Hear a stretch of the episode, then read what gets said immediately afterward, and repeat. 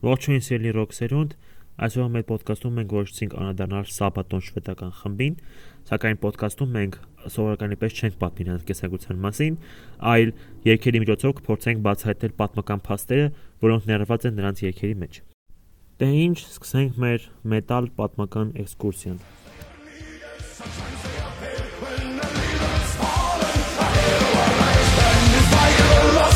to glorious days that were better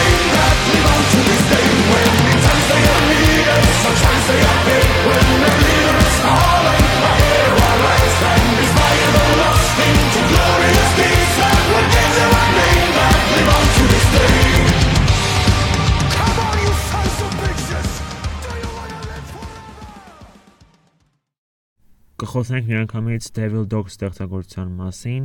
որը պատմում է 1918 թվականին ամերիկյան զորքերի եւ գերմանական զորքերի ճակատամարտի մասին։ Եթե անգլերենից բառացիորեն թարգմանենք հայերեն, ապա ստացվում է սատանայական շներ, այդպիսի մականուն ուներ ամերիկյան հետևակային ծովային դեսանտը, որը որ այսինքն մարշկի կոթիկի sense ասած, բայց համառ մարտեր են մղում գերմանական զորքերի հետ եւ գրոհելով 9 անգամ գերմանացիների 145 կոչվող բլուրը փորձում են գրավել այն, սակայն կնեք 9 անգամ չէ, 5 անգամ գրոհելուց հետո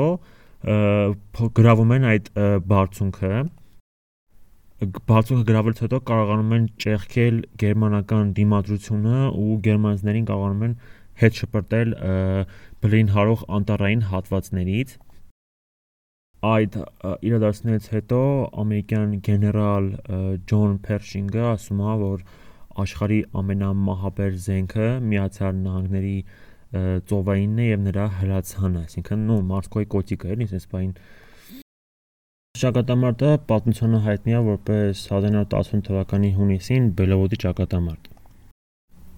Լսենք պատմական իրադարձության մասին պատմող երգը, որը որ հիանալի ներկայացնում է իրադարձությունները։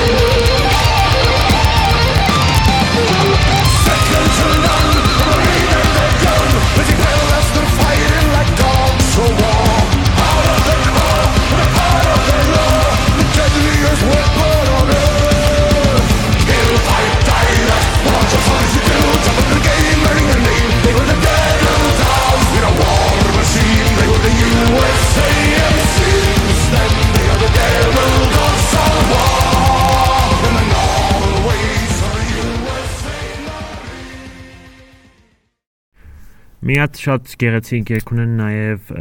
գերմանացի ուժեղ ուժեղ ասելով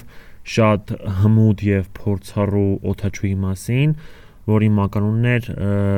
Red Baron։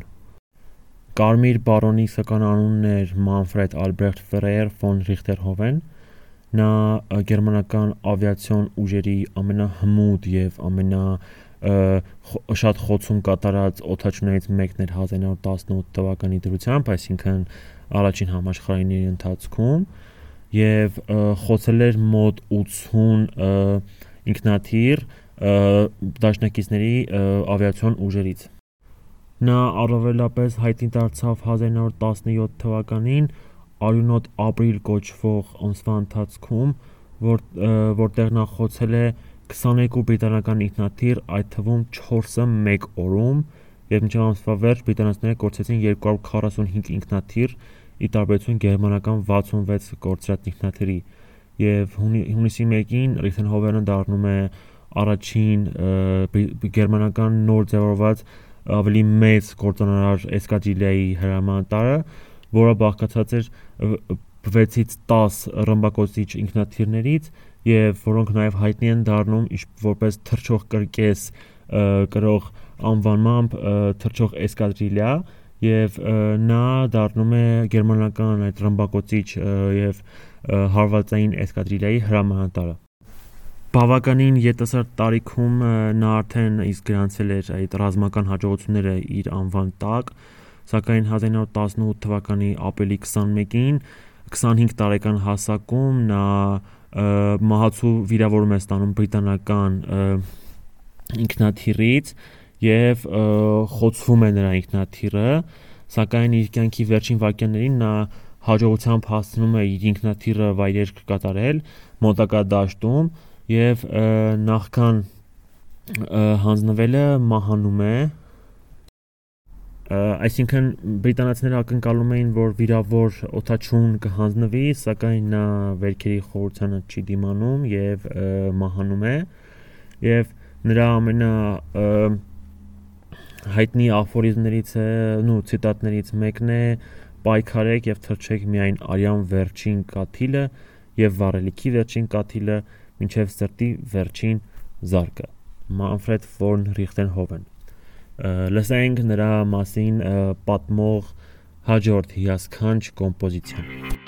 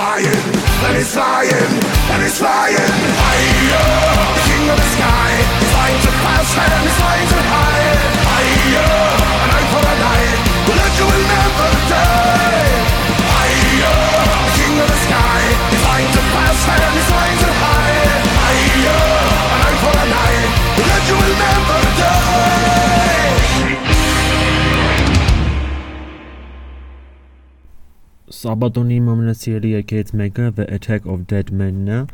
եւ նրա պատմությունը նույնպես շատ ուշագրավ է եւ երբ որ ես իմացա թե ինչ իրադարձների մասին է խոսքը բավականին տպավորված էի որ այդպիսի իրադարձներ են տեղի ունեցել հենց համաշխարհային պատերազմի ընթացքում ռուսների եւ գերմանացիների միջև առաջին համաշխարհային պատերազմի ընթացքում Երկը պատմում է 1915 թվականին Օսովիեց ամրոցի ճակատամարտի մասին, որտեղ միմյանց դեմ էին դուրս եկել ռուսները եւ գերմանացիները։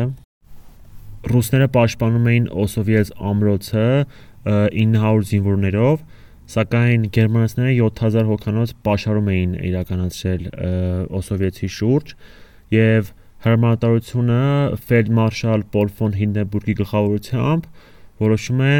քլորով քլորի գազով հագեցած հրետանային արկերով կրակ բացել դեպի ամրոցը։ Բավականին երկար ժամանակ ռմբակոծելուց հետո գերմանացիները որոշում են, որ ռուսներից ոչ ոք հավանաբար ողջ չի մնացել եւ կարելի է շատ հեշտությամբ եւ առանց դիմադրության վերցնել ամրոցը։ Սակայն Իզրայելյանս իրենց ամրոցում դեռ ողջ մնացել 100 ռուսներ, որոնք հազալով արյուն եւ իրենց թոքերի կտորները դուրս էին գալիս նրանց բերաններից հազալու ընթացքում զոմբիացած տեսքով հարցակվում են գերմանացիների վրա եւ նրանք ակնհայտորեն չսպասելով որ ռուսները այդպիսի հարցակումից հետո կկարողանան իրենց մեջ ուժ գտնել, առողջություն գտնել, ինչպես էլ ասեմ, դիմադրության համառության զգացողություն գտնել եւ հակահարվածի դիմել այդպիսի հարվածից հետո գերմանացիները ուղղակի շոկի մեջ փախնում են եւ ռուսները կարողանում են հաջողությամբ իրականացնել իրենց հակահարցակումը եւ ռուսները ովքեր որ փրկվել էին գազային հարցակումից օգտվում են հնարավորությունից քանդում են այդ ամրոցը եւ հետ նահանջում մինչդեռ գերմանացիները տատանվում էին եւ այս տատանվում էին նրանով թե ինչպես կարող էին մահացած մարդիկ հարցակվել նրանց վրա որովհետեւ ռուսները այդ ժամանակ ունեին ինչպես ասում են մահացած մարդկանց տեսք եւ ֆելդմարշալ Հիդենբուրգը իր մեմուարներում գրել էր որ ռուսները հարություն են առել հարվածից հետո եւ կարողացել են մահացած մարդկանցով հարցակում իրականացնել եւ նա իր մեմուարներում նաեւ գրել է որ լեգենդար անմահ ռուս ռուս զինվորները մերեներից բարձրացել էին եւ կռիվ էին անում գերմանացիների դեմ այդպիսով բնութագրելով ռուս զինվորների անկոտրում հոգին, որոնք որ կարողացել էին այդ հուշկու գազային հարցակումից հետո իրենց մեծ ուժ գտնել եւ կյանք գտնել ամենակարևորը եւ հակահարվածի դիմել եւ կարողանալ հետ շպրտել գերմանացիների հարցակումը այս երդասների մասին հիասքանչ երկով The Attack of Dead Men երկով պատմում է Սաբատոն խումբը լսենք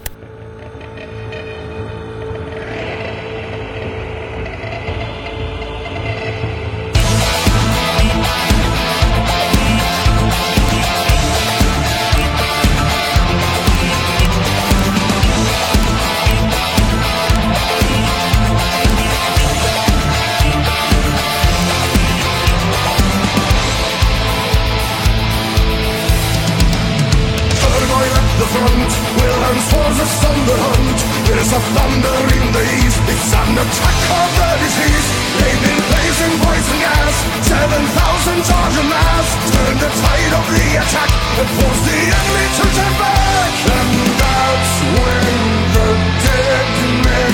are marching again.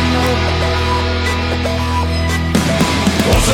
then, again, i take a hundred men, facing then, once again, hundred men, again, again, once again, then, again, hundred men, facing then, once again, hundred men, again, again.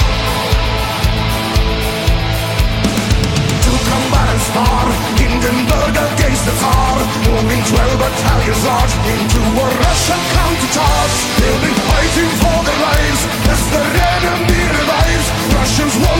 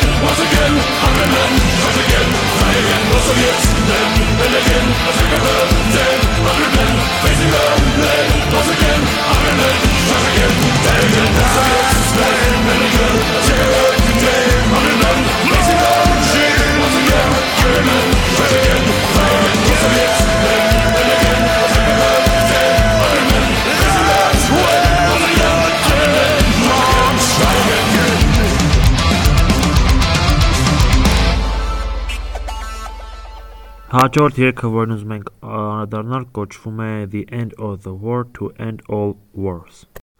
Երգում պատմվում է Կոմպիանի զինադատարի մասին, որը կնքվել է 1918 թվականի նոյեմբերի 11-ին Կոմպիանի անտառում, Ֆրանսիայում գտնվող Ռետոնտ կայարանի մոտ։ Զինադատարը կնքվել է գնացքի սալոն վագոնում, մի կողմից 1914-ից 1918 թվականների առաջին համաշխարհային պատերազմում պարտված Գերմանիայի, մյուս կողմից Ֆրանսիայի, Մեծ Բրիտանիայի, ԱՄՆ-ի եւ հակագերմանական կոալիցիայի մյուս երկրների միջև։ Կոմպիանի զենդատարով դադարեցում էին ռազմական գործողությունները, գերմանական զորքերը դուրս էին բերվում արևմուտքում զավթված տերիտորիաներից, Գերմանիան հանձնում էր ցամաքային եւ ծովային սպառազինությունների մեծ մասը, Հռենոսի ափ- ափում ստեղծվում էր ապառազմակ- ռազմականացված գոտի։ Այս իրադարձությունների մասին Սաբատոնը շատ մաչելի եւ հասկանալի ձևով, ինչպես նաեւ շատ հիանալի երաժշտությամբ ներկայացնում է իր երգում։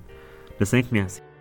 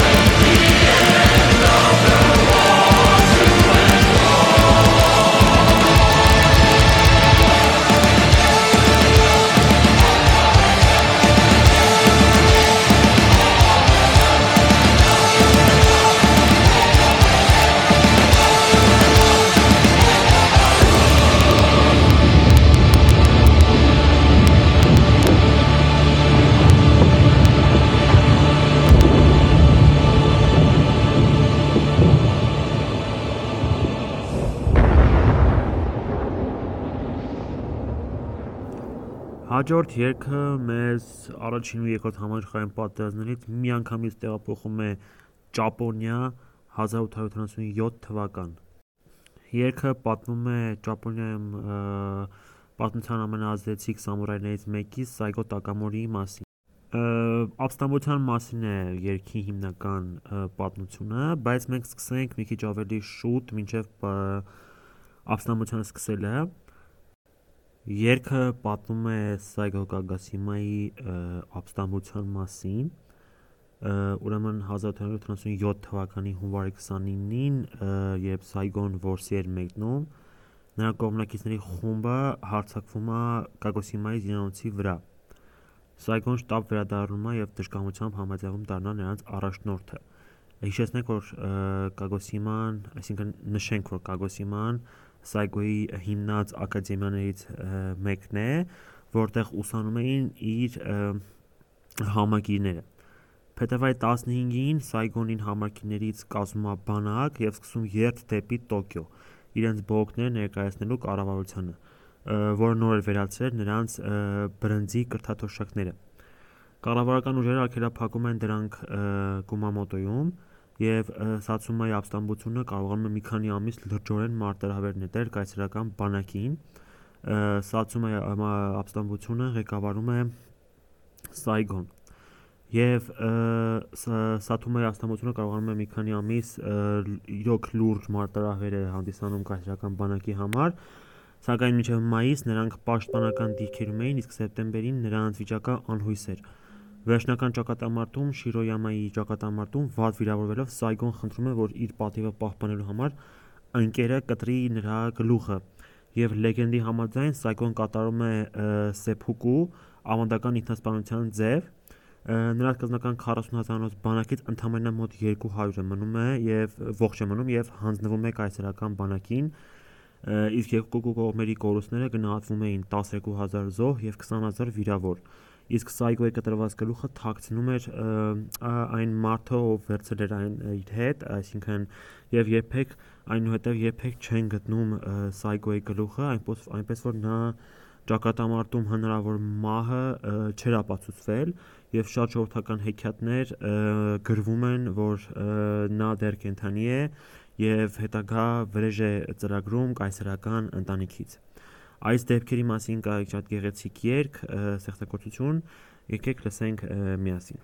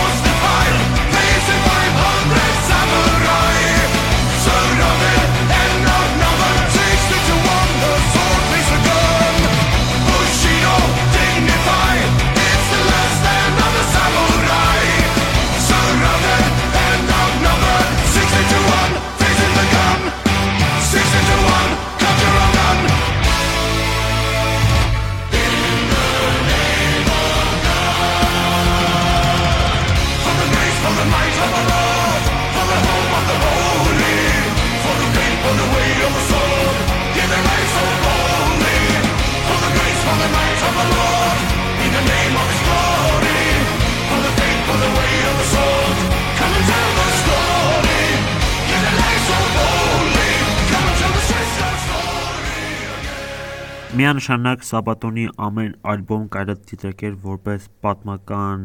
ինչ որ հանրագիտարան, որտեղ պատմվում է բազմաթիվ պատմական իրադարձությունների մասին։ Մենք այս մի էպիզոդում կսահմանափակվենք այսքանով, բայց անշուշտ կլինեն մի քանի էպիզոդներ եւս պատմական իրադարձությունների մասին եւ Սաբատոնից բացի լավագույնս ոչ մեկ չի կարող ներկայացնել պատմական իրադարձությունները իր երաժշտությամբ եւ ինչպես արդեն նշեցի կլինեն երկրորդ, երրորդ եւ ինչու՞ նաեւ նաեւ չորրորդ մասեր Սաբատոնի հետ միասին բացահայտելով պատմական իրադարձությունները։ Շնորհակալություն այսքանը։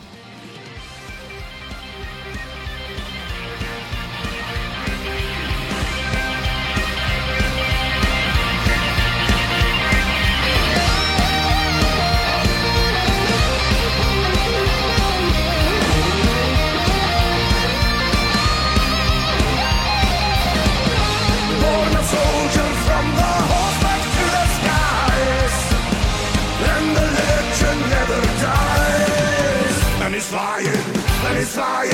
and he's flying higher. The king of the sky is like to pass, and he's flying.